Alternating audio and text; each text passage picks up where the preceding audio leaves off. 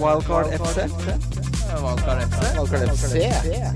Wildcard FC. Wildcard FC. Hei, hei, og hjertelig velkommen til Wildcard FC, presentert av NordicBet. Mitt navn er Christian Wessel, og jeg sitter her med eh, en mangefasettert mann. Han er uh, mannen som kjenner til uh, de dypeste kroker av Londons undergrunns uh, Szechuan-miljø. Han har sterke preferanser på fotballbanen. Stort sett så er han en nøktern og nøysom mann når det gjelder det fotballfaglige. Vi har mye å snakke om, Lars Iversen. Velkommen. Det er så utrolig kult å få en ekte Wessel-intro, altså. Så utrolig kult! Eh, takk. takk for at jeg får, eh, får, være med. Du vet at det er egentlig derfor jeg, jeg saboterte det første forslaget vårt eh, når vi prøvde å ta opp denne poden. Jeg, jeg, jeg, ville ha en ny recording der jeg fikk en ekte Wessel-intro. Det var med overlegg. Ja. det er bra. Jeg, jeg, liker å Jeg liker å skrive de. Det er ofte, ofte favorittdelen min med podkasten før vi på en måte starter å spille inn. Eh, så skjer det jo alltid noe gøy underveis, yeah. men det er, eh, det er, veldig gøy å komme med de. Eh, det, har jo, altså det som skjedde, var at vi spilte inn episode på tirsdag. Uh, lydfilen til Lars klarte Gudene vet hva som har skjedd. Jeg er totalt ferdig med det programmet. Og egentlig helt ferdig med hele den seansen. Men hvis vi ser på den lyse siden, og det gjør jo du og jeg, Lars, det er jo et av våre fellestrekk, mm. at um, så har du jo uh, Tukkel fått sparken i Chelsea. Ja. Uh, Potter har blitt ansatt i Brighton. Og så er jo ferd, dom, Så er dessverre dronningen i ferd med å legge på røret. Det, det, ser veldig sånn ut, så det kan jo føre til at ting blir Eller det vil sannsynligvis da føre til at ting blir utsatt en liten stund. Så det kan være en ting får, Hvis du hadde Det kan være du må holde igjen bytte, er det jeg sier. Vent, gjør noe bytte på torsdag ettermiddag. Uh, må ja, vente og se litt her. Men vi kan jo ikke gjøre noe annet enn å bare oppføre oss som at runden går videre. Og hvis den ikke gjør det, så gjør den ikke det. Eh, men vi får Men det er jo litt spennende sånn sosialpsykologisk at vi tar opp episoden for andre gang. For da sitter jeg og tenker hvor mange av de samme vitsene kommer Wessel til å prøve å ta om igjen? Og, da, og det, gir meg, det gir meg en sånn Det gir meg en slags fil for hvorfor noen av vitsene var han veldig fornøyd med forrige gang. Men, mens noen følte han ikke gikk så bra, så de, de dropper vi i take two. Det, det, det syns jeg er et artig element oppi dette. Men ja, fordi det, det, som irriterte meg mest eh, da det klippet gikk til helvete, var den ene vitsen ja. som du gapskrattet av. Vi skal komme til den, for den kommer jeg til å repetere. Du skal få lov å ta den om igjen. Du skal det. Jeg må nesten det. Men ellers så Jeg har jo vært borti der heldigvis ikke så mange ganger, for det er ikke så veldig gøy når du har Uh, spilt inn uh, en episode om å spille inn på nytt. Det er stort sett veldig lite gøy. Og folk er sånn uh, De gangene det skjer, så er det liksom Det er ikke noen sin skyld, men som ofte så er det en person sin skyld. Og du merker alle sender sånne fordi det, blikk hvor det er sånn Din jævla drittsekk, du skulle ikke, skulle ikke lært deg jobben din. Altså, det, Folk syns ikke det er noe gøy. Men når, litt, når, man får litt avstand mellom Altså Nå er det jo to dager siden, mm. og nå er, det jo, nå er det jo helt greit. Ja. Men det er samme dagen. Det er det som er døden.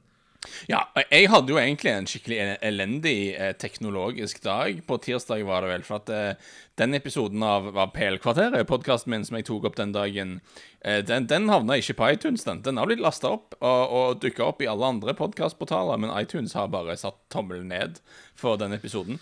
Så, så, så, så, i tillegg til at Wildcard gikk over skogen, så ble det mislykka. Alt jeg gjorde den dagen, ble bare drit, rett og slett. Men det er ja, no, men teknologi har personlighet, og hvis du først har røket uklar med teknologien, så er det vanskelig å hente seg inn igjen. Vi skal skjære rett gjennom. Hva tror du det har å si for Brighton og Chelsea at uh, Tukkel har sparka, og uh, at Chelsea har ansatt uh, Potter? Vi gjør det så enkelt om å begynne med det mest interessante.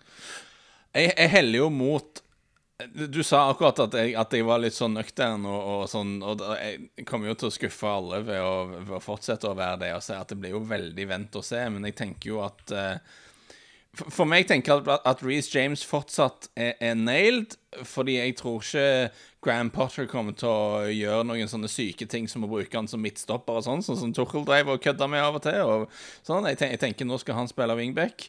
Og, og, uansett hvordan de kommer til å spille under Potter, uansett hva slags forskjell, det gjør, så er han jo så, så, så vass og offensiv, Reece James, at uavhengig av liksom clean sheet-situasjonen, så er han, er han, bra å ha. Så, så for meg er Reece James fortsatt så godt som liksom nailed på, på, på, wildcard, og du bør ha han. Men så trykker jeg veldig på vent og se-knappen på alt annet i Chelsea, altså, for å være helt ærlig. Hvem, hvem, altså Det er jo snakket mye om at de brukte altså Det er ingen som har brukt så mye på ett overgangsvindu noensinne i fotballhistorien. Hvor mange av de signeringene tror du var Tukkel-signeringer? Ok, så på å lest litt sånn artikler og snakket med folk etter det skjedde, så er det pro Problemet var det, det kan vi bruke halve episoden på, men men vi kan godt bruke litt tid på det, ja. Fordi mest sannsynlig så er det ikke noe fotballtilgang. Ja. Og det her syns jeg er interessant. Så veldig ofte har man en tendens til å tenke Altså, vi, vi trakter litt mot den gamle managermodellen. Liksom, at du har en Arsen Wenger eller en Sir Alex Ferguson som styrer alt. Og det er litt sånn som når, når, du og meg sitter og spiller FM, liksom, at du bare klikker, og han skal inn, og han skal ut. Mens når det kommer en sportsdirektør og skal styre ting, så blir han ofte liksom eh, vinkla i media som en sånn ond person som går i veien for manageren og bare ødelegger og sånne ting. Mens i realiteten, for veldig mange moderne topptrenere, så har de ikke lyst til å holde på med overganger. For, for det første så er det ikke det som er kompetanseområdet deres. Eh, det å, lag, det å, være lagleder og det å drive med spillerlogistikk er to veldig forskjellige skillsets. Og, og, og for, det andre, for, det andre, så tar det utrolig mye tid eh, å måtte ha masse møter med, med dine egne eiere, og måtte ha møte med agenter og sånne ting. Altså, Thomas Tuchel er nok en av de Han ville trene laget, han. Uh, så, så ja. en av de tingene du leser nå Noe av det som skapte gnisninger mellom han og Chelsea nå de siste månedene etter at de nye eierne kom inn, var at eierne ville gi han masse ansvar og sa at du skal liksom få være med og og, men, men, Thomas Tuchel hadde ikke lyst til å bruke tida si på sånn og, ha masse uendelige møter med nye, nye eiere om hvilke spillere de skulle hente. og sånne ting. Han ville helst jobbe med laget og har snakket om hvordan han likte å jobbe med, med Peter Czech og Marina Granovskaja, som var i sånne direktørtype roller der før. Eh, for, for, de var flinke til å liksom gjøre rekrutteringsjobben. Og så, så er det klart, så henter man jo ikke spillere en hovedtrener ikke vil ha, det er ikke det jeg sier. Men Tuchel ville helst trene laget, så han hadde han, hadde, han, Fordi det er jo mm? Nei, Det er jo interessant. Altså, fordi det Narrativet har liksom vært rundt det sånn Ja, herregud, la han bruke to milliarder. Så bare det er, det er nok tol, hele Todd Bowley mm. som har brukt de to milliardene, fremfor at det er Tukkel. Og, og, det, og, det, er jo det som er så skandale, da. Fordi um, jeg, jeg syns det er ganske vilt at du har en situasjon der du har en helt fersk eier som ikke har jobba i denne idretten en gang før. Uh, og hovedeier, iallfall. Altså, det er en eierskapsgruppe, men Todd Bowley er liksom sjefsmannen der, og han er jo helt fersk. Uh, du har ingen sportsdirektør, uh, og du har en hovedtrener som helst ikke har lyst til å styre med overgangen noe særlig. Og i den konteksten går du ut og bruker en kvart milliard pund. sånt, hva er det som um, Kanskje Dette virker ikke så bra. Så det, det, som har skjedd, er jo helt sikkert at Todd Bowley har snakket med, med såkalte rådgivere, har snakket med agenter og, og, og sånne ting, og, og sånn. Og så Eh, så har han selvfølgelig sagt Altså, jeg tror ikke Det er ikke sånn at uh, det er ikke sånn at Thomas Tuchel legger på hver gang Todd Baarli ringer og spør hva du vil av spillere og sånne ting. Og så bare 'Her, Thomas, kommer Kokorea', liksom. Det er ikke, det, selvfølgelig har Thomas Tuchel hatt en, en innflytelse der. Men, men, poenget er at når du leser alle disse sakene som kommer ut nå etter at han har fått sparken, så tyder det jo på at det har vært veldig kaotisk, eh, alt dette her. Og at det har vært en veldig, veldig lite ordna greier. Og, og da tenker jeg jo at greit, de måtte styrke laget litt. Men, men, kanskje hvis du ikke har noen sånn tradisjonell sånn sportslig ledelse, og du har en trener som helst har lyst til å være i fred, og du har en eier som ikke vet noe om dette her, kanskje ikke bruk 250 millioner pund på overganger akkurat i den situasjonen. Ja. Det, det, det, disse pengene kan Det er litt sånn roligere løsninger som kan funke til januar, liksom. Burde kanskje vært måten å gjøre dette på. Men altså, samtidig så er det litt altså, Todd Bowley eier jo Dodgers, og der har hovedtreneren sittet i åtte år. Jeg tror rett og slett Tukkel og, og eierskapet er røk uklar. Mm. Og uh, det her er ikke en ny utvikling. Det har murra i Chelsea siden, uh, siden preseason starta, egentlig. Uh, så jeg tror det her var et tilfelle av at ok, han eier klubben, han har kjøpt mye spillere. La oss få inn en, en trener som selv om selvfølgelig stjernen til Tukkel er mye høyere, og Potter egentlig er en nobody sånn, på den internasjonale uh, fotballscenen, så har han jo også kanskje den som folk har mest troen på. Eh, hvis man snakker om potensial, så skal det jo sies, da, som Tor Christian Carlsen poengterte, at å, å komme inn med en spillerstall som anser seg selv som ferdig utlært, som en litt sånn uh, stille type, uh, det kan jo tygge opp og spise ut uh, Potter. Men han, jeg tror nok de er smarte nok til å se hva han har fått til i Brighton også. Og så må man også si det at det der narrativet som en del sånn Lars Kjernås og, og Vikestad og liksom disse som, blir, som uttaler seg om dette her.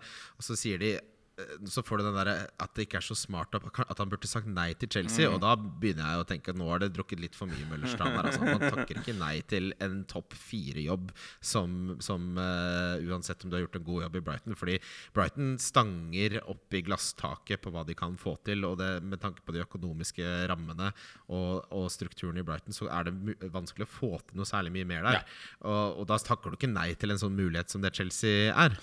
Nei, så her var det mange gode, gode tanker, syns jeg, Kristian. Christian. Uh, bare for å kvittere ut Tuchel, en ting som er ved siste ting å si om han, er at selv om eierskapssituasjonen i Chelsea er litt unik og uvanlig, og at det er naturlig at vi snakker om Bowley og den dynamikken, så må vi òg huske at Thomas Tuchel har røyket uklar med eierne alle plasser han har vært, omtrent. Ja, det, Så- det var jo det første Da han ble, da han ble ansatt, så var det noe av det første bare, Han har jo blitt uvenn med alle Ja. eierne i alle klubbene han har vært i. Ja. Så det var jo Det her var jo en meldt krise, nærmest, sånn sett, da hvis man tror på at det stemmer, da. Og, og det som blir sagt nå, er jo at alle spillerne respekterer han som taktiker og er takknemlig for det han jobben har gjort, og syns han er veldig flink faglig og sånne ting, men syns han var vanskelig å ha med å gjøre etter hvert.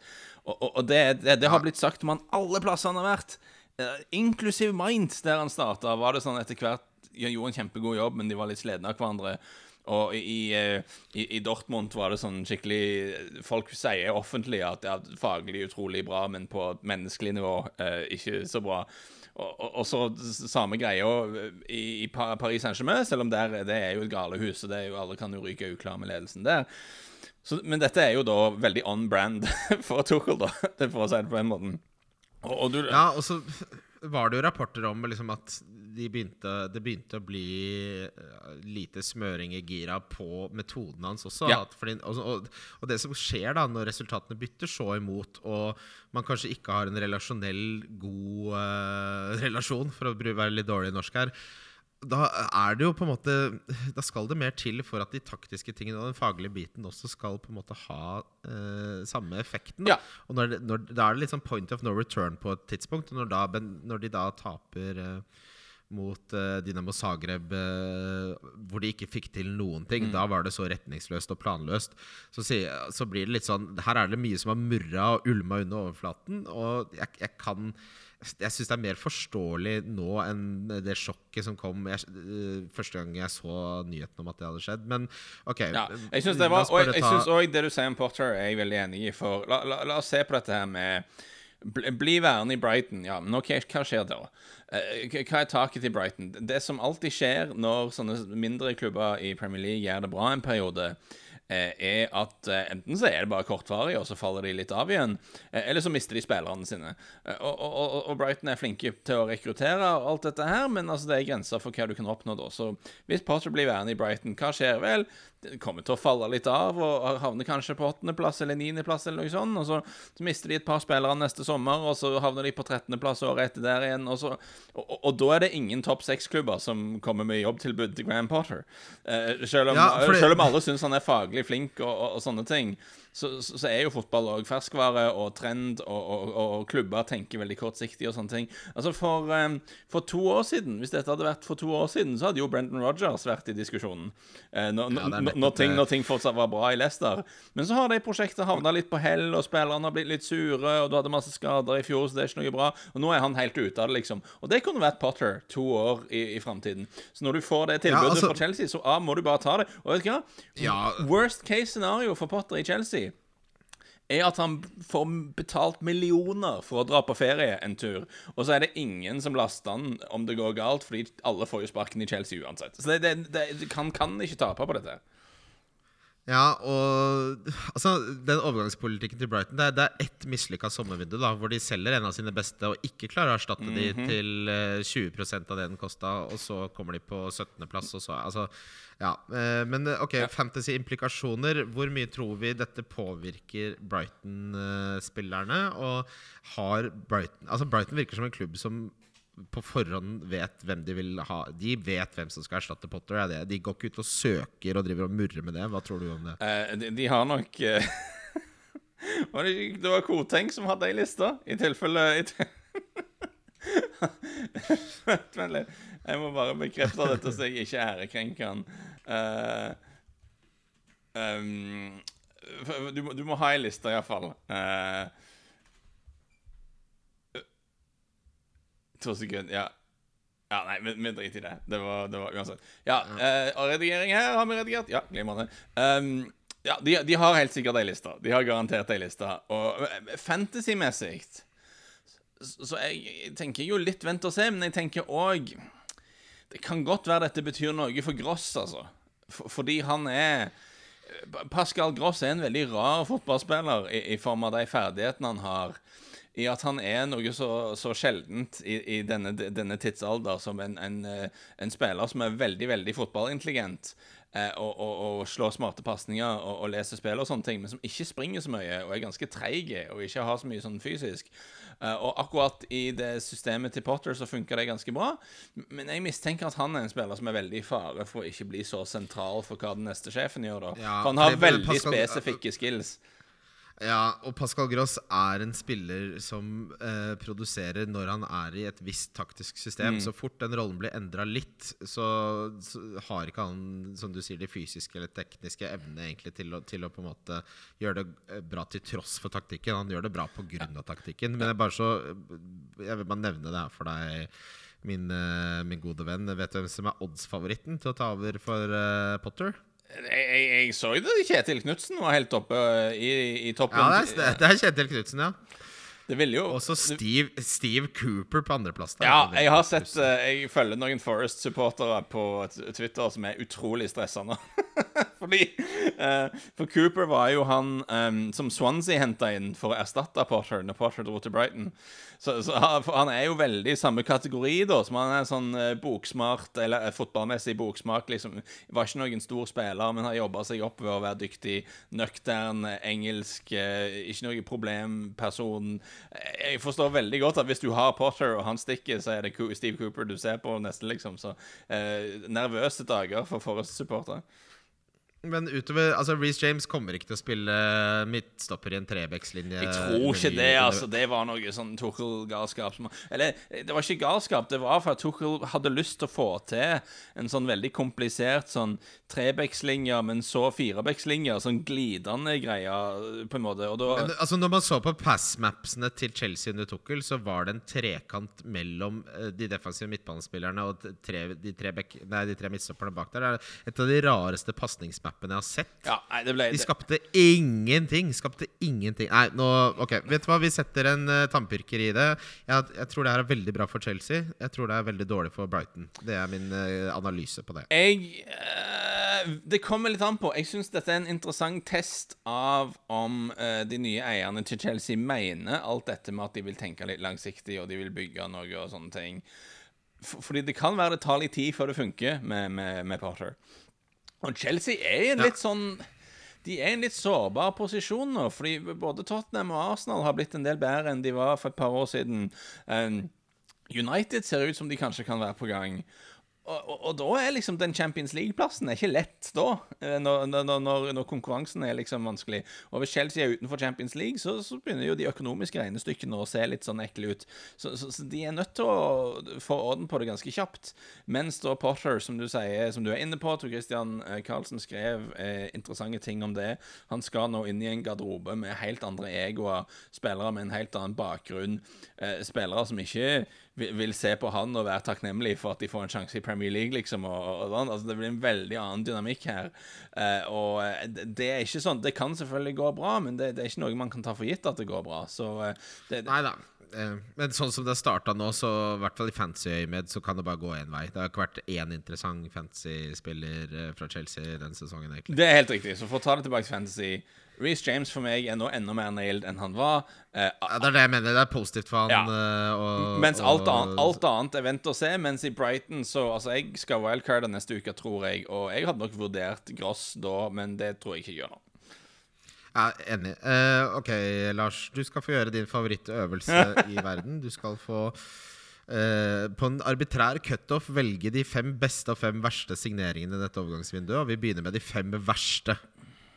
Så her er jeg litt fornøyd med at vi måtte ta det om igjen. For denne, denne bolken hadde jeg liksom ikke forberedt meg noe særlig til, og jeg hadde ikke lyst til å gjøre noe. Jeg knurra en del, jeg lagde en del knurrelyder. Du, knurr, du knurra mye. Det var mye knurring.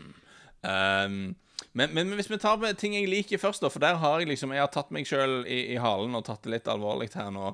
Og, og, og jeg skrev liksom ned Jeg lagde et poengsystem for å få orden på dette her. Jeg skal ikke gå gjennom alt det der, men det gjorde at jeg lagde ei liste med liksom alle store, skråstrek bra overganger denne sommeren. Og så ga jeg de poeng fra én til ti på først og fremst hvor bra spillerne er, syns jeg. For det andre hvor stort behov det var for han, og hvor godt han, jeg tror han passer inn. Og for det tredje hva slags liksom, verdi økonomisk tror jeg det er. Så, så, så, så, la jeg sammen de 1 til 10, og så fikk jeg en score, da. Eh, interessant at scoren endte jo opp å være ganske nær det jeg sa i, i denne, denne fortapte podkasten. Som forresten kanskje var den beste podkasten som er tatt opp noen gang. Altså, det er tragedie at den forsvant. Men eh, eh, ja, ingen Dere får aldri vite hvor bra den podden var. Men eh, når lagde, selv når jeg lagde et poengsystem, da, så kom jeg jo fram til at det første svaret som, eh, som, tikker inn på eh, den beste overgangen, er jo det aller kjedeligste. Og det er en viss eh, Erling Braut Haaland. Fordi det var jo ikke rakettfysikk akkurat av Manchester City å oppdage han, men så skal jo dealen i havn, da. Og de kunne jo fort ha kommet fram til at de ville heller spise tapas i Madrid, eller kanskje med Lewandowski har lyst til å dra vekk, så kanskje det er noe, noe Bayern-greier på gang der. Da blir du værende i Tyskland, der du kjenner divisjonen og sånne ting. Altså, dealen, dealen måtte jo i havn, eh, og det, det fikk de til City. Og du ser allerede Han er et helt unik spiss, eh, og jeg er jo en sånn uh, litt sånn nerd som, som, som, overtenker ting som du vet. Og jeg, jeg, tror fortsatt dette her med at han er ikke egentlig en sånn type som Pep Guardiola er vant til å jobbe med. Han er ikke en sånn skolegutt som Zlatan kalte Barcelona-spillerne. Eh, han er ikke en sånn type som hvis, hvis Pep sier hopp, så, så, spør han hvor høyt. Eh, og, og, han er ikke en sånn som presser i 90 minutter som en galning. Så det er noen kompromisser Guardiola må gå, må gå på der. Eh, og jeg er spent på hvordan den dynamikken mellom de to vil utarte seg over resten av sesongen og over de neste par åra. Men for all den overtenkinga Vet du hva? Hvis du setter et sånn unikt sånn målmonster som han er, på et lag, og du har Kevin De Bruyne og Bernardo Silva og Gundogan og Foden og alle disse her bak han, vet du hva? Det blir inn i helvete mye mål av det. Hva tror du han ender på?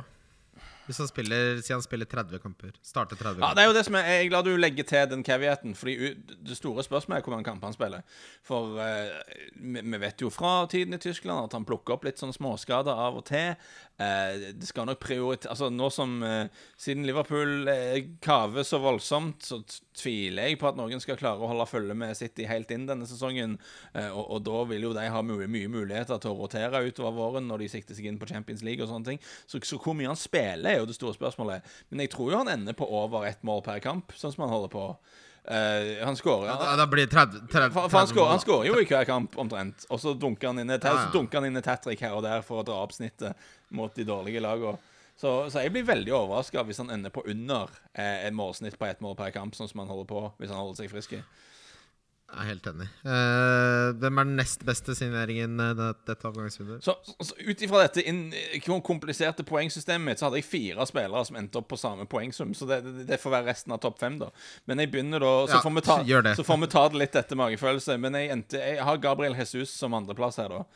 Uh, bare fordi ja. jeg altså, Og igjen, lyttere til den glimrende podkasten PL-kvarteret uh, vet at dette er noe jeg var fan av allerede før sesongen begynte. Dette er ikke bare sånn overreaksjon og recency bias på at han har vært veldig god i starten. Men, men her har du en spiller som, som, har vært en veldig god systemspiller i Manchester City de disse åra. Som når du nå gir han mulighet til å liksom komme litt ut av den tvangstrøya som, som Pep Guardiola setter spillerne sine i, Eh, iallfall de som ikke er heter Erling Haaland, for han, han passer ikke inn i den trøya. Så du får bare gi Uansett, når han har fått litt frihet, da, istedenfor å være i et system der du skal, du skal, springe der, og du skal presse han, og du skal holde bredde av og til, og, og, og, og så snart du ikke skårer i en kamp, så er det på benken neste uke. Og så er det. Arsenal har bare tatt Vet du hva, Gabriel Jesus, vi har kjempetro på deg. Vi mener du er bra. Du er spissen vår. Du, du skal spille på topp for oss så lenge du er frisk nok til å gå. Det, det er ikke snakk om at du skal rotere om du, om ikke, om, ja, om du ikke, er veldig sliten. Hvis du kan spille, så spiller du. Om du går et par kamper uten å skåre, så gjør det ikke noe. Vi tror på deg. Vi flytter deg ikke ut på vingen eller noe sånt Hekken. Og vi ser at med en gang han liksom blir det midtpunktet, så syns jeg han har blomstra litt allerede. Altså, du ser han, han, triv, han ser ut som han trives noe enormt i den Arsenal-drakten og i den litt friere rollen som han har nå eh, på topp for den klubben. Eh, en ting at det er, noe så, det, er, er sjeldent det der som en win-win-win. Ja. Det er win for Arsenal, win for City og det er win for Jesus. Det er alle vinner på den overgangen. Ja, jeg tror det. De fikk jo en grei sum foran Manchester City, og, og de har andre spillere som kanskje kan ta den spillertiden. Og, så han, han har passa så godt inn i, i Arsenal. Han, han, produserer, han bidrar uten ball, han er med i det oppbyggende spillet. Eh, det ser ut veldig sånn tidlig iallfall for en flott, flott signering for Arsenal. Eh, dessverre, jeg er jo Tottenham-mann, så det sitter litt langt inne å, si dette her, men jeg, kanskje, jeg kommer ikke fram til noe annet, altså. Ja, nei, absolutt. Hvem er nummer tre, fire og fem? Vi kan godt uh, Vel, vel Brent, Brendan Aronson havner skyhøyt på lista mi her. Uh, ikke, ikke, fordi han er den beste spilleren noen har signert denne sommeren, men han skårer veldig høyt på, på å passe inn i system og, og hvor, bra, og hvor mye behov de hadde for han. For vi må se på at Manchester, altså Leeds United var et par poeng under å rykke ned i fjor. Så nære å rykke ned. Og i sommer mister du eh, midtbanegeneral Calvin Phillips, og du mister den beste offensive spilleren. Så det, her måtte de gjøre noe i sommer. Og de klarer da å få kapra unge Brendan Aronson fra RB eh, Salzburg, som er en spiller som jeg kan garantere deg at større klubber enn Leeds har, har fulgt med på. Han er, som, som, du kanskje har sett allerede, han er en offensiv midtbanespiller med veldig høy eh, arbeidsvilje uten ball. Han jobber, han presser, han river og sliter. Mye energi og liksom høy intensitet i det han holder på med. God med ballen, eh, prøver å få ting til å skje. Eh, definitivt en spiller som kunne endt høyere oppe i hierarkiet enn en i Leeds. Men Leeds har jo litt fordeler i at altså, de har amerikanske deleiere nå. Eh, de har en amerikansk hovedtrener selvfølgelig sjøl. Om de var på Aronson allerede før Jesse Marsh ble ansatt, altså i januar var de i Østerrike og skulle prøve, prøve, å få til en deal der. Så de har vært på den lenge. Og det kan òg være en liten fordel de har hatt overgangsmessig. altså Spillere føler seg trygge da når en klubb virkelig har prøvd, prøvd, prøvd på dem. Uh, så han er en spiller som du ser han, går rett inn i laget. Han skjønner, han skjønner, med en gang hva Jesse Marsh vil ha fra han. Og han ser ut som en veldig lovende spiller, og de betalte ikke altfor mye penger for han. Så det, det havner skyhøyt oppe på min liste over bra overganger den sommeren. Hvem er nummer fire? Så igjen, dette er jo da tall, tallsystemet mitt som Ja, da, jo da, vi må, vi må rangere altså, si delt Tallsystemet har kommet fram til noen ting som overrasker meg litt, altså. Men men for meg så havner faktisk Joao Palinha på Fulham veldig høyt oppe. Og det er kanskje litt recency bias, fordi han har sett så god ut i starten av sesongen som han har gjort.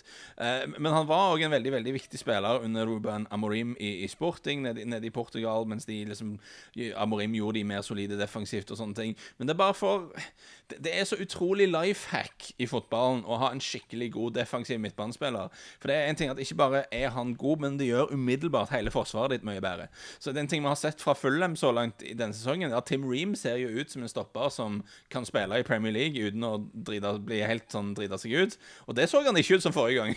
jeg tror, jeg tror noe, av, noe, av, grunnen til at det har hengt sammen litt, er at de har en skikkelig skikkelig god ballvinner på midten i Juara Palinha. Eh, de betalte ikke altfor mye penger for han, så jeg, jeg, jeg, jeg ga han sånn Eh, ni av ti på hvor godt han passer inn, og, hvor mye behov det var for han. For en, en skikkelig god midtbaneanker kan være forskjellen på nedrykk og ikke for et lag som Fulham. Eh, så han har jeg satt på topp fem-lista mi. Eh, og til sist så har jeg òg dette er fordi jeg måtte gi han ti av ti på verdi for pengene, og da skjøt han opp på lista mi litt. Men, men Romeo Lavia fra Southampton, 18 år gammel belgisk midtbanespiller som de henta fra U21-laget til Manchester City, Eh, Southampton gjorde noe litt løye i sommer. De, de henta han som har jobba som rekrutteringssjef for junioravdelinga til, til, Manchester City. Han henta de ned til Southampton og sa du bare styr hele overgangsbutikken vår, du. Eh, og, og, de gikk da umiddelbart ut og henta masse unge spillere. De henta fire spillere fra junioravdelinga til Manchester City. De har henta et par lovende fra kontinentet òg.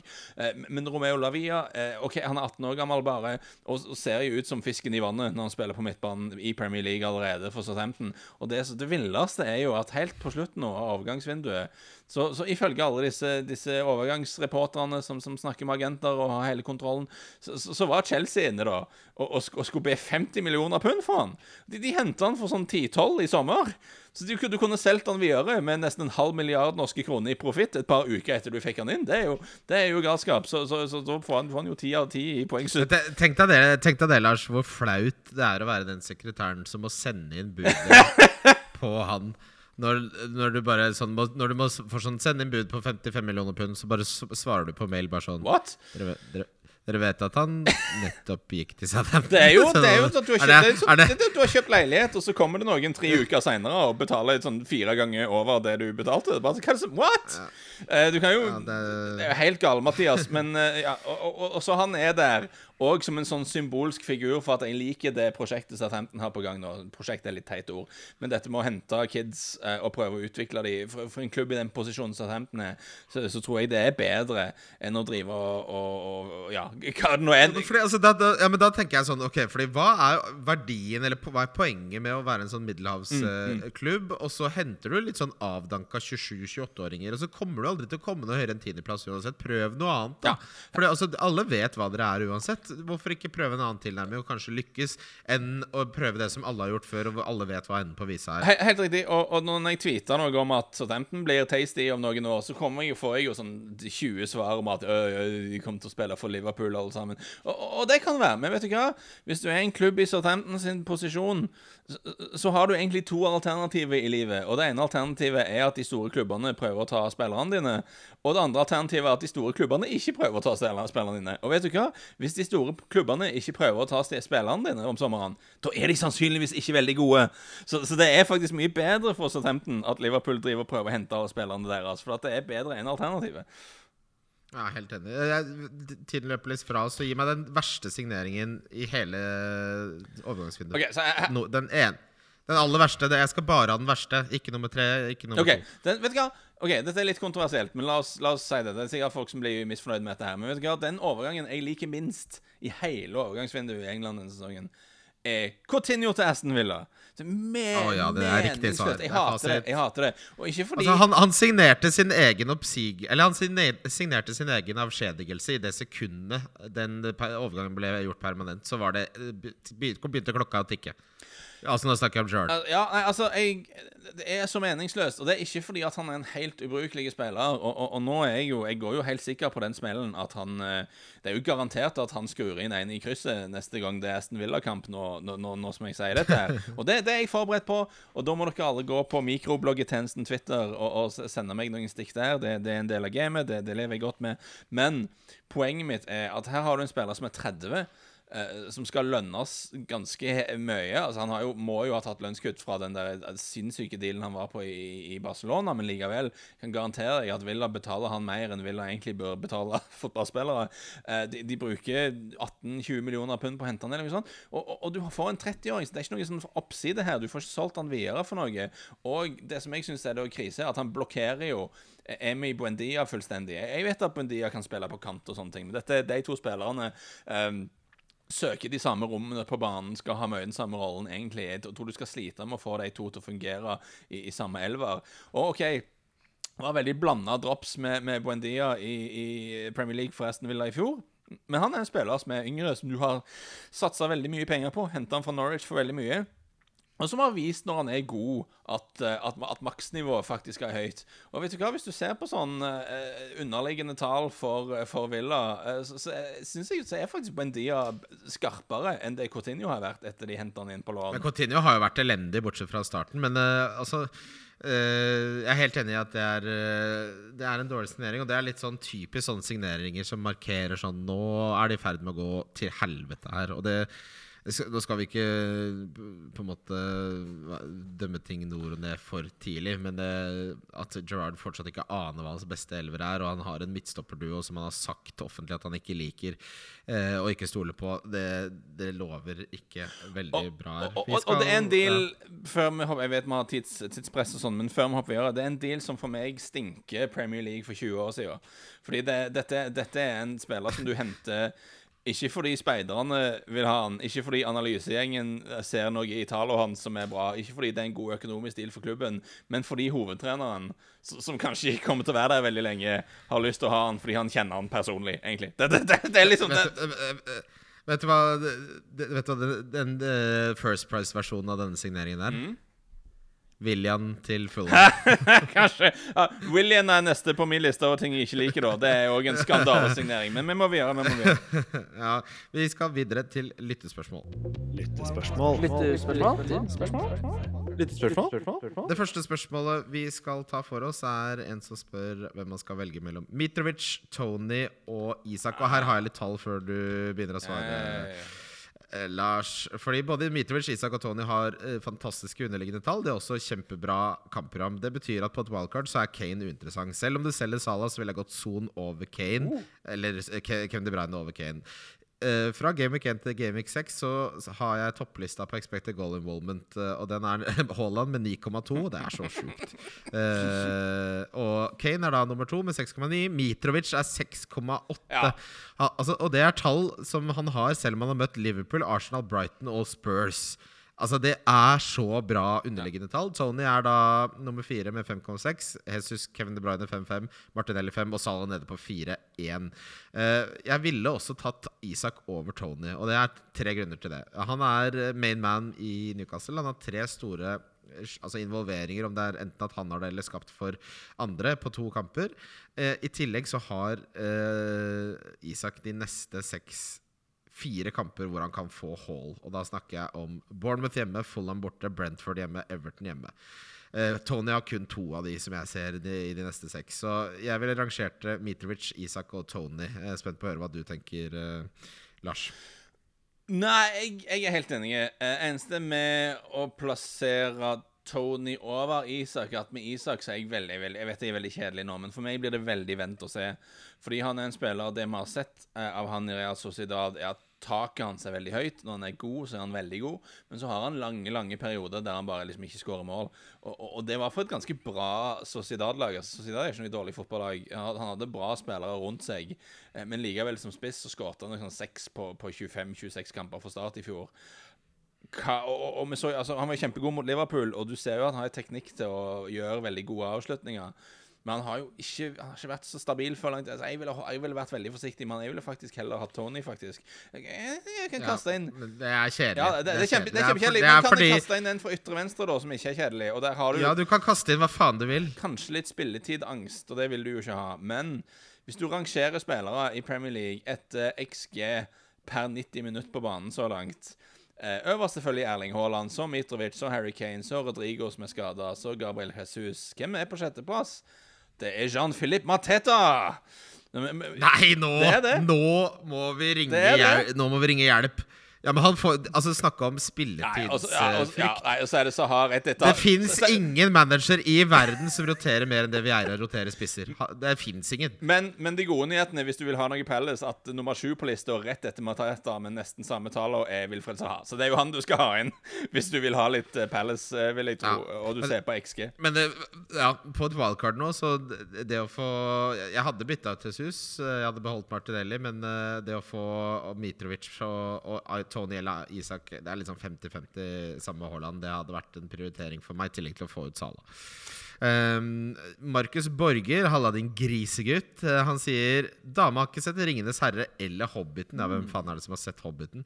Hva begynner jeg med å vise henne? 'Maktens ringer', 'Brorskapet' eller 'Bilbo'? Nei, Det her trodde jeg skulle være et bedre spørsmål enn det var. Vis henne 'Ringenes herre', Ja, da. Ringenes herre, men vær veldig forsiktig når du streamer, sånn at du ikke setter på special edition ved en feil, for den er jævlig lang. Ja, Da blir det 19 Nei, timer det, med det går tusser og ikke. Du troll må der. ha den mest standard edition, den korteste varianten som fins. og hvis hun virkelig Hvis Ja, hun virkelig, ja, hvis hun, hvis kan- hun virkelig biter på, og det liksom Det blir god guffe av det, så kan du vurdere liksom å scale opp da til etter hvert. Men det er veldig viktig at du ikke går på ekstra spesialversjonen først. Det, det som er med de extended versene av 'Ringenes herre', er at de varer så lenge at plutselig så glemmer man at man har satt på en film, og så tror man at man rett og slett har blitt psykotisk. Fordi bare nå har jeg sett på disse tussene og trollene drive og gå inn og ut av grotter i ni timer, og filmen er fortsatt ikke ferdig. Man blir jo klin gæren. Jeg, jeg, jeg syns hobbitene er irriterende, altså. Jeg klarer det ikke. Det, det, det, Nei, men der, der, har jeg bare, der har jeg bare satt ned foten. Men jeg, den der nye Game of Thrones 2, eller hva faen det heter, det liker jeg. Det anbefales. ja, Det syns jeg er bedre enn jeg hadde venta. Jeg har vært litt sånn eh, Ja, det, jeg ville gitt en ni av ti på IMDb hittil. Jeg hadde, jeg hadde lave forventninger, men jeg koser meg med det så langt. Jeg må si det. Ja, eh, Jonas Otto Jensen, Grås til McAllister. Bytte å vurdere om det ikke brenner andre steder. Nei, Jonas, nå skal du få en liten leksjon i fantasy. Dette er de byttene man gjør når man ikke skjønner hvordan spillet fungerer. Du må sette deg inn i de underliggende tallene. Det fins 99 spillere med høyere expected goal involvement enn McAllister. Han har skåret tre straffer hittil. Forrige sesong så var det laget med flest straffer City med tolv. Det vil si at han allerede da Altså, Tror du de får like mange straffer som City? Det kommer de ikke til å gjøre. Det er, uten straffene så er McAllister ikke et fantasy-valg. Du må ikke se på poengene, du må se på tallene, hvor de poengene kom fra. Nei, du skal ikke gjøre Gross til McAllister. Helt riktig. Enig. Er du enig? Eh, så har vi to klesspørsmål som ikke er helt vår forte her i Wildcard. Men Jan Kenneth Polle, takk for sist, Jan Kenneth. Eh, Hva er beste sted å kjøpe mellomledergenser? Du, nå skal jeg si deg det, Jan Kenneth. Jeg har jo foretatt meg en klassereise, dessverre, som eh, dere podkastlyttere har fått med seg, så jeg har blitt litt snobbete. Eh, den beste mellomledergenseren du kjøper, det er HM sin 100% kasjmirkolleksjon. Den koster 1300 kroner. Ikke V-hals, men fy faen som den sitter. Det ser ut som du har alt på stell. Og det bør du jo når du tross alt er mellomleder. Eh, I tillegg så spør Henrik eh, hvor handler en mann som er 42 og i identitetskrise i klesveien? Hvor handler han? Du, bare dra på Follestad. Eller dra på Ralph Lauren-butikken eh, på Sten og Strøm. Ferdig. Jeg tror ikke du har noen veldig sterke meninger om dette her, Lars. Nei, altså her er det sånn, når, når du skal gi råd, så må du jo tenke hva som funker for andre, og ikke bare hva som funker for deg. For mitt instinkt er jo Syns ikke bruker mye, mye penger på klær, altså. Jeg syns det er rar prioritering. Men det, men det er jo sånn som jeg tenker, og det trenger ikke være sånn som du tenker. Så, så her får jeg bare innse at dette er, Ja. ikke, dette er ikke mitt område. Nei, eh, snakker du engelsk eller norsk til hunden? spør Martin eh, Adam om, uh, Lars. A- Alltid engelsk, og det har egentlig aldri falt meg inn å, å gjøre noe annet. Uh, og det har jo òg litt å gjøre med at vi er to personer i, i denne husholdningen. Ikke, ikke bare meg og, og, og hunden, men òg meg og hunden og samboeren min. Det er jo best Altså, jeg, jeg tror Polly hadde vært dypt bekymra hvis hun kom hjem og du på brei brynsk drev og hviska inn i Lola sine ører. Ja, og det er enda mer at hvis jeg lærer henne sånn eh, kommandoer og sånn, så, så kan de jo ikke gjentas eh, av Polly på noen Eller det er lettere for henne, iallfall hvis det er på engelsk. Uh, men ja, Eh, fordi jeg har jo hørt litt rykter om at, uh, at Lola er glad i mat. ja, man har litt trøbbel med det. uh, fordi Ja, Få høre. Men det, ok, så det er en av det er en av de store eh, pro problem Altså, hun er en fin hund som, som er lettere å ha med å gjøre enn andre hunder på mange måter. Altså, hun vasker seg sjøl og liksom er liksom self-clean. Det er veldig koselig. Og bjeffer ikke i tid og utid. Og nei, fin, fin hund. Men det, det har vært umulig å lære henne av med å prøve å stjele mat. Det, det har vi så mange rare eksempler. Men det er jo alltid når vi skal forlate huset, så må du ta en sånn sjekk og bare gå rundt og se i alle rom om det står noe som er spiselig ute. Jeg, jeg, jeg hadde en dalmantiner, og jeg kjenner meg veldig igjen i Men, men så oppdager du at det hjelper jo ikke engang det. For at hun har jo, altså, luktesansen er jo ganske ekstrem. Selv om hun ikke er sporhund, så er det ganske voldsomt. Så en ting, Det villeste eksempelet på det er jo altså, Samboeren min er sykepleier, så, så hun har en sånn eh, stor sekk et eller annet plass med ymse sånn eh, medisinske greier eh, som hun trenger til jobb av og til. Og en gang vi kom hjem fra, fra kino, da, så, så hunden var veldig sånn skamma seg for et eller annet og gikk og gjemte seg på badet. Og, og, og da fant vi, da hadde hun vært nede i den sekken eh, og funnet en, en pakke bandasjer som var vakuumpakker, altså. Det var helt sånn sterilt og sånne ting. Så det, ikke, det skulle ikke være lett. Men hun hadde funnet en spesifikk form for bandasje som har en sånn honningbasert eh, lo lotion-ting. Så hvis du setter det på et litt sånn sint sår, så skal det lindres og sånne ting. Den hadde hun kommet fram til, da, blant alt legeutstyr, at dette kan potensielt spises. Så hun hadde klart å åpne den og prøvd å spise bandasjen, rett og slett. Og da var det sånn Polly var veldig sur, da, for hun hadde rota til og sikla på, på jobbtingene hennes og sånn. Jeg var sånn, jeg fikk, jeg fikk meg ikke til å kjefte på henne da. Så jeg var Men, det, men altså det eneste riktige Lars, det eneste riktige da er når Polly står og, og kjefter, som vi skal komme tilbake til dette med kjeft og hund, men det eneste riktige for deg da er å stå med to tomler opp og blunke Good, til dog. Det må du. Du må berømme eh, dedikasjonen til å få seg litt medisinsk medical grade honey up in that snout. Jeg var sånn Jeg er mest av alt imponert. Jeg er litt skuffa, men mest imponert. Ja, det er fantastisk. Og det, det her med å kjefte på hunder når, når dere har vært ute og du kommer hjem og hun har fått kost seg med litt sånn uh, medisin, honningbind Jeg syns det er veldig du må rart. ikke kjefte, ja, men du må ikke kjefte på, på, på hunder, fordi de skjønner Ja. ikke helt av hva de får Men, kjeft men, for. men jeg òg har lest det, og, og, og jeg har praktisert det i mitt liv. Jeg har forklart til Polly at det er ikke vits å kjefte for mye, for at hun husker ikke hvor, hvor, hva hun har gjort. Hun skjønner ikke hvorfor hun får kjeft. Men motargumentet til Polly, som jeg aldri har noe godt svar på, er Hvorfor skammer hun seg så mye da, hvis hun ikke husker Hvis det er sånn at hun med en gang har glemt hva hun har gjort, og ikke du kan ikke kjefte, hvorfor er det likevel sånn at når vi, da kommer hjem fra kino, så, så kryper hun og gjemmer seg på badet og vil ikke se oss i øynene, for hun er livredd for å få, få bank, eller hva det er for noe. Ikke det at hun får bank noen gang, men hun er Det, det, er, det er skam der, Ja, men, sant? ja, det er, og det, et åpen, finnes et åpenbart svar på dette spørsmålet. Det er rett og slett at hundelobbyen har plantet det faktum at hund, hunder ikke kan få det, kjeft. For at de skal slippe så de, altså fordi de, de hundene bare har Jeg ser for meg at det er sånn hunderåd hvor altså, led, ordlederen der altså, Hvis noen lurer på hvilken rase det er, så skal jeg si dere det med en gang. Det er en Sankt Bernhardshund som styrer ordet.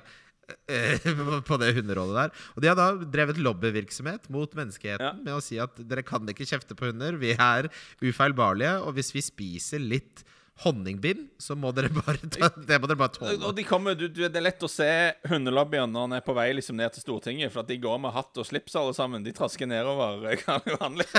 I trenchcoat Ja, ja. Ikke, ikke eh, se på Benjamin meg, det er helt normalt dette her. Vi må ned og vi skal drive litt lobbyvirksomhet her.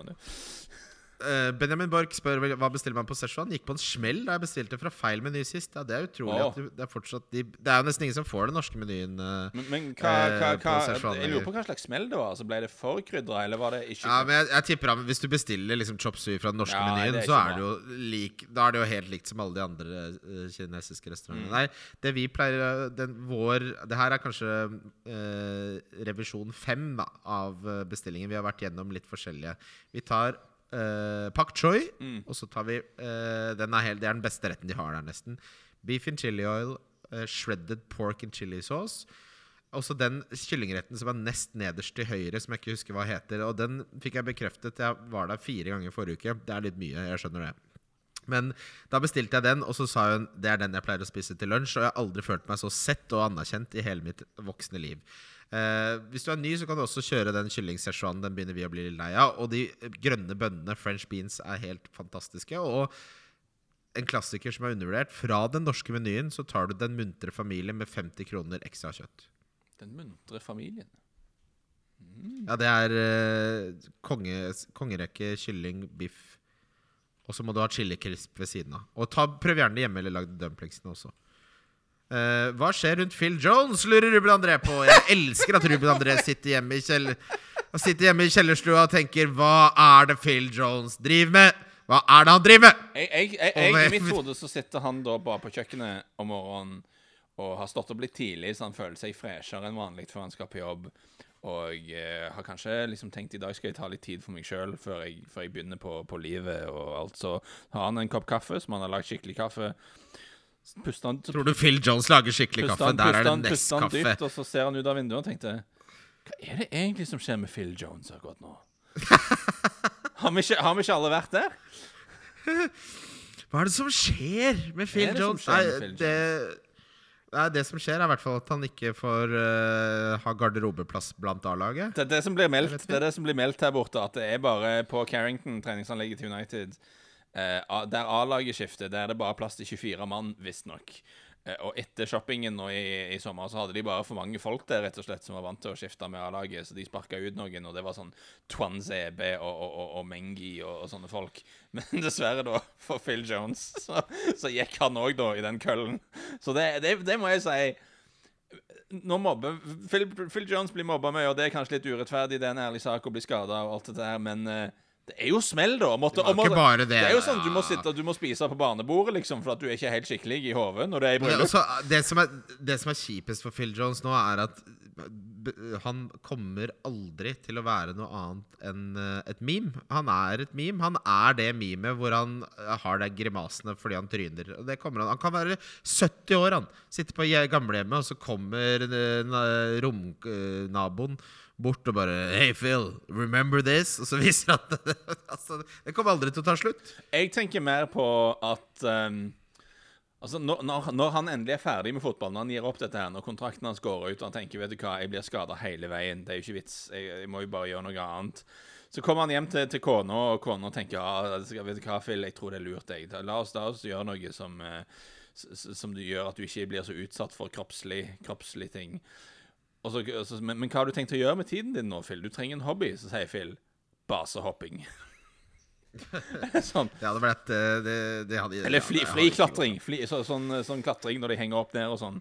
Altså, et eller annet sånn. Så, altså, kan det bli sånn Nei, men Phil, kjære deg, Phil. Kanskje du begynner med bridge? Eller, eller, strik, eller strikking? Eller, eller modell, sånn togmodeller. Eller kanskje til og med bygge en flysimulator i kjelleren. Altså alt annet enn basehopping, Phil. Den kroppen din tåler det ikke. Men, altså, det jeg håper at han gjør, er at han sitter og titter på bankkontoen sin og vurderer hvor i verden han skal reise resten av mm -hmm. livet. Fordi eh, det, det, han har jo tjent nok penger. Ok, ESN Bibelen spør hvordan går det med kolesterolsekken til Christian. Du, Det skal jeg fortelle deg, for den henta jeg klokka ni i dag morges. Har jeg hatt med meg eh, som en passasjer. Det er da en blodtrykkssekk. Jeg liker å kalle det en sekk, det er ikke helt det. Uh, og jeg har da vært i to avdelingsmøter. Jeg har spilt, vært gjest i podkasten til Franco fra Fantasyrådet som heter uh, Harde mottak eller noe. Bakvendt eller bakrom. Et eller annet med fotball, sånn fotballfag. Og det som er veldig morsomt, er at den går hver halvtime, men den har en tendens til å måle blodtrykket mitt på de morsomste punktene. Så jeg sitter da i ett og et halvt times ledermøte på, på jobben i dag, og så sier jeg på et tidspunkt Så jeg begynner å bli litt lei av møtet, så sier jeg kan jeg bare ta ordet og si jeg syns vi har litt for lite kake på dette kontoret. Og i det sekundet så begynner sekken å måle blodtrykket mitt.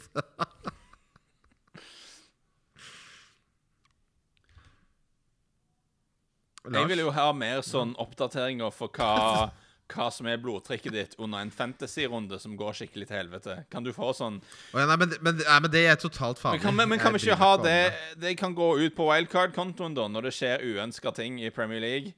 Eh, så, så, kan vi få en sånn oppdatering på, på, hva blodtrykket ditt er. Det tror jeg alle hadde likt. Ja, det, det, det, eneste som gir meg høyt blodtrykk, er uh, Peppers Pizza. Det kan jeg ikke spise lenger. Får fryktelig høyt blodtrykk av det. Og folk som ikke gjør jobben sin. Da, da får jeg høyt blodtrykk. Ja. Uh, du du hoppa videre før jeg fikk spørre. Um, Sichuan-plassen din i Oslo. Ja. Har de det som du vet som er min favorittrett, som er sånn uh, posjert fisk i chiliolje? Ja, ja! ja! De har den, men man må bestille den på Man må gi de varsel ja, ja, på forhånd, og så, og, så, koster den sånn 450. Så veldig, og, veldig omfattende rett, min... som kanskje er for spesielt interesserte, så jeg skjønner jo at det Ja, men jeg og, jeg Joakim, eh, som jeg, jeg pleier å dra dit med, vi har bestemt oss for at vi skal prøve den neste gang, så den kommer. Jeg gleder meg veldig til vi skal på vår. Szechuan, som faktisk er bedre enn Szechuan i London. For, for den, ja, den er det. Det, det, det, altså det, det måltidet vi hadde der sist, er det det beste jeg har hatt. Det vi, I London, når, vi, når jeg pleier å besøke Lars, så drar vi dit. Det, det, det, og det, det som er løye, er at jeg er alltid litt engstelig for at du skal anbefale den plassen til for mange folk. Fordi at for du Ja, men det, gidder jeg ikke. Men, men hvis folk spør og de, så kan jeg si, men jeg gidder ikke å annonsere. Men det jeg har bare lyst til å si, til at det er ikke egentlig en sånn turistanbefalingsplass. Altså Hvis du er på, på langhelg i London med, med damer, f.eks., så er ikke dette plassen du skal dra. For det er ganske Nei, det er en kantine, ja. med, det er en kantine med verdens beste mat. Det, det, er skikkelig ukoselig, det er ikke veldig sentralt. Servicen er fiendtlig. Den, den, er ikke bare dårlig. Du, du, får inntrykk av at de misliker deg, sjøl jeg som er der ganske ofte. Men, men, men, men jeg liker Det er det beste. Er jeg, ja. uh, den er så bra.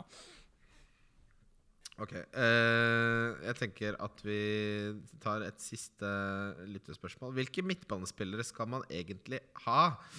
Og uh, Jeg gadd ikke å sjekke hvem som har det, har det, spørsmålet. Og jeg skjønner, jeg skjønner hvorfor du spør, men for meg så ville jeg sagt uh, Jeg ville hatt med Rashford, mm. Martinelli, De Braune, Son. Og så ville jeg vurdert en liten joker som, uh, som sistemann, som kan være litt sånn forskjellige ting. Men jeg liker EC. Ja, jeg, jeg, har jo faktisk EC og Martinelli allerede nå. Jeg skal på wildcard neste uke. Eh, kan jeg bare si Men, altså, men det, her, det, må sies, det her er etter, etter ja, ja. har de jo blank Brighton og Crystal Palace. Og, ja. Men jeg har lyst til å stille deg et spørsmål angående sonen. Fordi med han Jeg forstår logikken din, men samtidig så har du Du investerer på en måte i en opptur som du ikke vet helt når kommer. Fordi han, det, for Ja, det, det er men klart at men poengene jeg Men hør, da. Det, jeg vil ba, eneste grunnen til at jeg vil ha Son, er fordi jeg skal cappe han hjemme mot Leicester. Ja. That's it. Og så, hvis ikke det funker, ok, bytt han til noe annet øh, når han har Arsenal borte.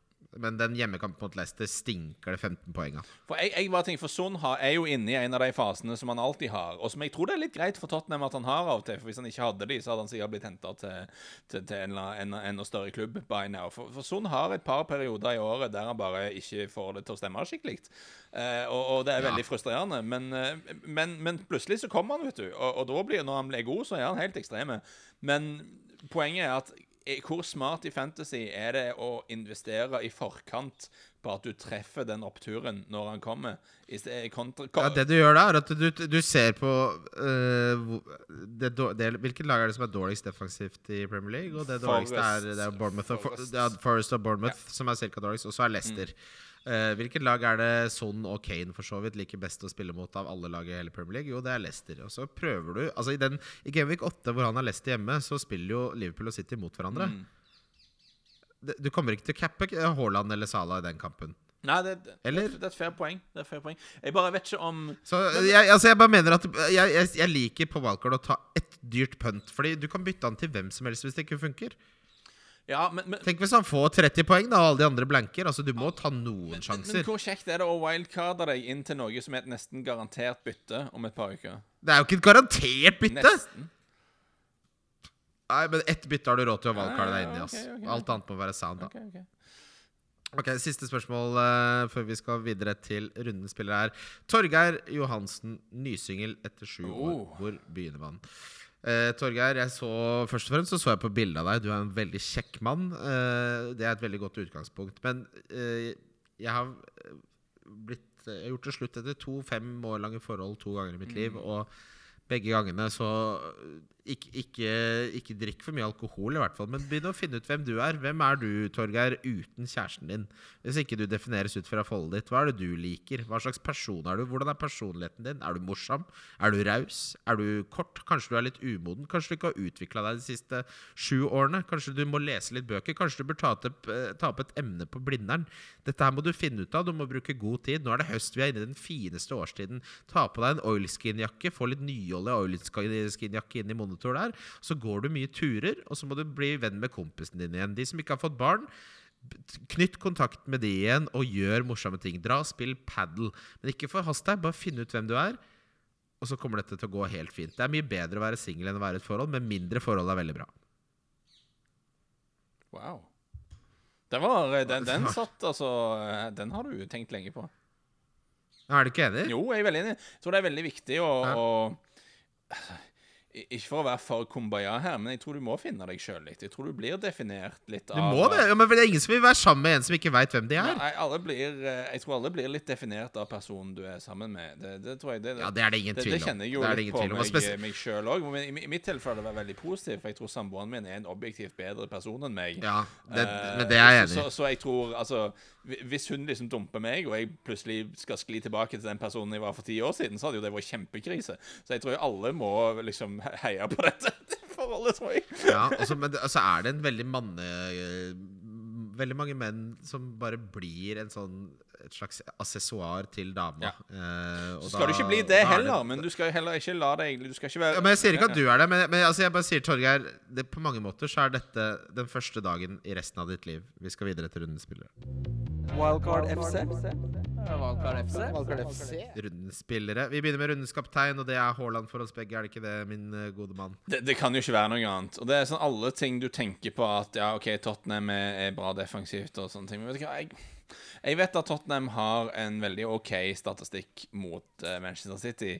Men samtidig så Jeg snakker som en Tottenham-fan her. Er, er det noen som blir overraska om City skårer litt tidlig, og det ender opp med å bli 4-1 eller noe sånt, og Haaland skårer hat trick? Altså, du, du vet at det, at det er sannsynlig Altså, jeg, jeg vet ikke Jeg er veldig nær og, og bare sette av bindet på han resten av sesongen, da, så, så, så, så lenge vi ikke vet at han kommer til å bli rotert. Ja, For, fordi det er alltid, alltid når han scorer Uansett hvem han spiller mot, så er det akutt hat trick-fare. Eh, og, og, og, det er veldig sjeldent at det er på terminlista, så sant ikke Salah finner tilbake til seg sjøl, eller det skjer noe merkelig med en av de andre spissene, så Jeg tror det blir få runder denne sesongen jeg ikke skal cappe Haaland, altså. Hvis du capper noen andre enn Haaland nå, så skjønner jeg Da skjønner jeg ingenting. Jeg skjønner ingenting av, noen ting. Ok, uh, Diff for meg så kunne jeg ikke uh, se vekk fra um, Leeds mot Nottingham Forest her. Uh, og jeg landa på Sinistera. 0,8% eierandel. Ja, og, og da Utfordringen her er jo at hvem andre er det vi targeter normalt sett? Vi ser litt på Bournemouth, men de skal spille mot Brighton. Vi vet ikke helt hvor vi har dem. Eh, Leicester skal, spille hjemme mot Villa. Altså, Er det noe Villa vi har lyst på, egentlig? Jeg, jeg syns jo ikke egentlig det. Så um, Nei. nå må jeg se Er det Hva, hva, er ownershipen? Ja, ja, vet du hva? 1,9% har Brendan Aronson. Få det på som diff. Ja, ja, ja, Han ja, òg kan fort ta poeng i denne kampen. her. Ja, den sitter, eh, sitter voldsomt. Jeg, eh, på billigspiller så skal jeg hjem til Newcastle. Bare så det er sagt, hvis du valgkarter, Pope er den beste keeperen. De slipper til mange skudd, men de har ekstremt lav XG. Pope er, altså, det er Pope-season. Få Ja. han inn i laget. Uh, jeg jukser, jeg. Det får dere bare tåle. Jeg skal hente Trippier for Perisic. Det er det eneste byttet jeg skal gjøre denne, denne runden. Skaff Trippier. Det er billigspilleren min, selv om det er litt juks. Det, men da har jeg da eh, Jeg er sikkert ikke den eneste eh, her. Det er sikkert mange som hører på, som tenker wildcard neste uke. Så det er spørsmålet skal man pønte litt hvis du har et bytte, eller skal du bare spare det byttet til post wildcard-livet ditt? Jeg liker, altså Når du først skal wildcarde, så liker jeg et pønt. Ja. Så da er det, da er det fort noe leads inn denne helgen, eh, egentlig. Sinistera, Sinistera, Sinistera, Sinistera. Ja, få inn litt sinistera. Definitivt Sinistera. Ja, åh, det, det er synd jeg ikke får han i selv. Eh, Noe fra Leeds mot Nottingham Forest. Det kommer til å bli en veldig morsom kamp. Uh, Donk, siste beste kategorien. Det sier jeg hver gang. Jeg har sagt det i sju år nå. Fy fader. Du, du, du, du, du elsker det, du. Du er, du er donkekongen. Jeg er donkekongen. det er helt riktig. Um, jeg donker Sala, og det er første gang jeg har gjort på fem år. Ja, da, da skal jeg òg være veldig sånn eh, mot Ikke mo- motkulturell, men liksom litt mot strømmen. Vet du hva? Jeg er litt sjokkert over at eh, Joao Cancelo fortsatt er den forsvareren som er eid av flest folk. Det er ikke logisk for meg. Vi har sett nok av han så langt til å si Lars, la, Lars la, meg, la meg stille deg et spørsmål her. Fordi han spilte gamle Cancelo-runden nå i Champions League. Tror du det bare var i Champions League, og at de kommer til å fortsette sånn som de har gjort i Premier League? For det er jo logisk med tanke på resultatene at de har forskjellig spillestil i Europa og i England. Ja, det er det. Og, men jeg har bare sett på jeg så på ting som hvor mange ballberøringer han har i boksen, og hvor mange skudd han kommer til, og sånne ting. Og det, det er bare forskjellig denne sesongen. Og ja, han, han, han, han feide inn et mål mot Nottingham Forest, men, eh, men han spiller en annen rolle. Og City ser ikke så solid ut defensivt heller. Jeg føler at en av trade-offene med å ha Haaland der på topp, istedenfor å ha en av disse fotrappe skoleguttene til Pepe, at de kontrollerer ikke spillet like godt. Eh, Guardiola har snakket om dette et par ganger, at eh, fordi de spiller litt mer direkte enn før, så, så ryker de på flere kontringer imot, for folk er ikke alltid i de posisjonene der han vil at de skal være. Så jeg tror det er større sjanse for at City slipper inn mål enn det det var i fjor. Så, så Joao Cancelo er ikke helt solgt på at City skal holde nullen mot Tottenham, og han er ikke så mye mer offensivt eh, med lenger, så jeg syns det er helt feil og teit at 48% av spillet har han. Jeg hadde slitt med å velge en City-spiller på wildcard nå. Det må jeg ærlig innrømme. Annet enn Haaland. Ja, ja ikke sant. Ok. Ja, Kevin, du må jo få plass til Kevin, da, må du ikke det? Ja, Jo, Kevin og Haaland, og så blir jo sistemann Jeg skulle ha hatt noe, noe forsvar der, men eh, Walker er jo ikke mulig han er skada, så det må jo finne ut hvem det skulle vært. da Ok, Dere som har lytta nå, dere blir belønna med min trippel. Ja. Den er at Newcastle slår Westham på bortebane, at Manchester United slår Crystal Palace på bortebane, og at Brighton slår Bournemouth på bortebane. Den får du liksom 12-13 i odds på. Uh, vi skal ta Ole sin også. Ole kunne ikke være med fordi hans uh, kjære kone eh, er veldig gravid. Og da må man prioritere litt. Det syns jeg er helt fair. Ja, det fins vel ikke noe fairere. Han, men Ole har en jævlig fin bong. Han har at eh, det blir over 2,5 mål i Bournemouth-Brighton, og at Arsenal slår Everton, og at Leeds slår Forest. Og så så jeg en venninne av meg føre regnskap på dette, her, Rikke. eh, Så hun sender meg Excel-arket nå. Bare nå begynner det å bli dyrt å holde på med det her. For vi har ikke en eneste har gått inn. Så hvis ikke en har gått inn nå, så blir det straff på meg og Ole. Oi. Og det innebærer da at vi må drikke to fireballs før sending. Jaha. Ja, det, er mye mer Ja, det høres ut som en god idé. ja, det er gøy. Så nå må vi håpe at tripperen går inn. Lars, det var en fornøyelse. Kjekt å være med. kjekt å være med eh, Nok en gang. nok en gang Jeg, Vi, jeg, vi, ses, vi, ses om, vi ses om seks uker, vi. For da skal jeg, har vi leid et hus i Kensington Yes. og skal se litt amerikansk fotball. Det blir bra, det. Ja, det blir øh, fantastisk. Eh, Håper du får tid til noe hører. Little Session i Finchley Road, da. Åh, takk for at dere hører på. Finn dere sjæl. Gå tur i høstmørket. Vi er glad i dere. Ha det. Wildcard FC. Wildcard FC. Wildcard FC. Wildcard FC. Wildcard FC.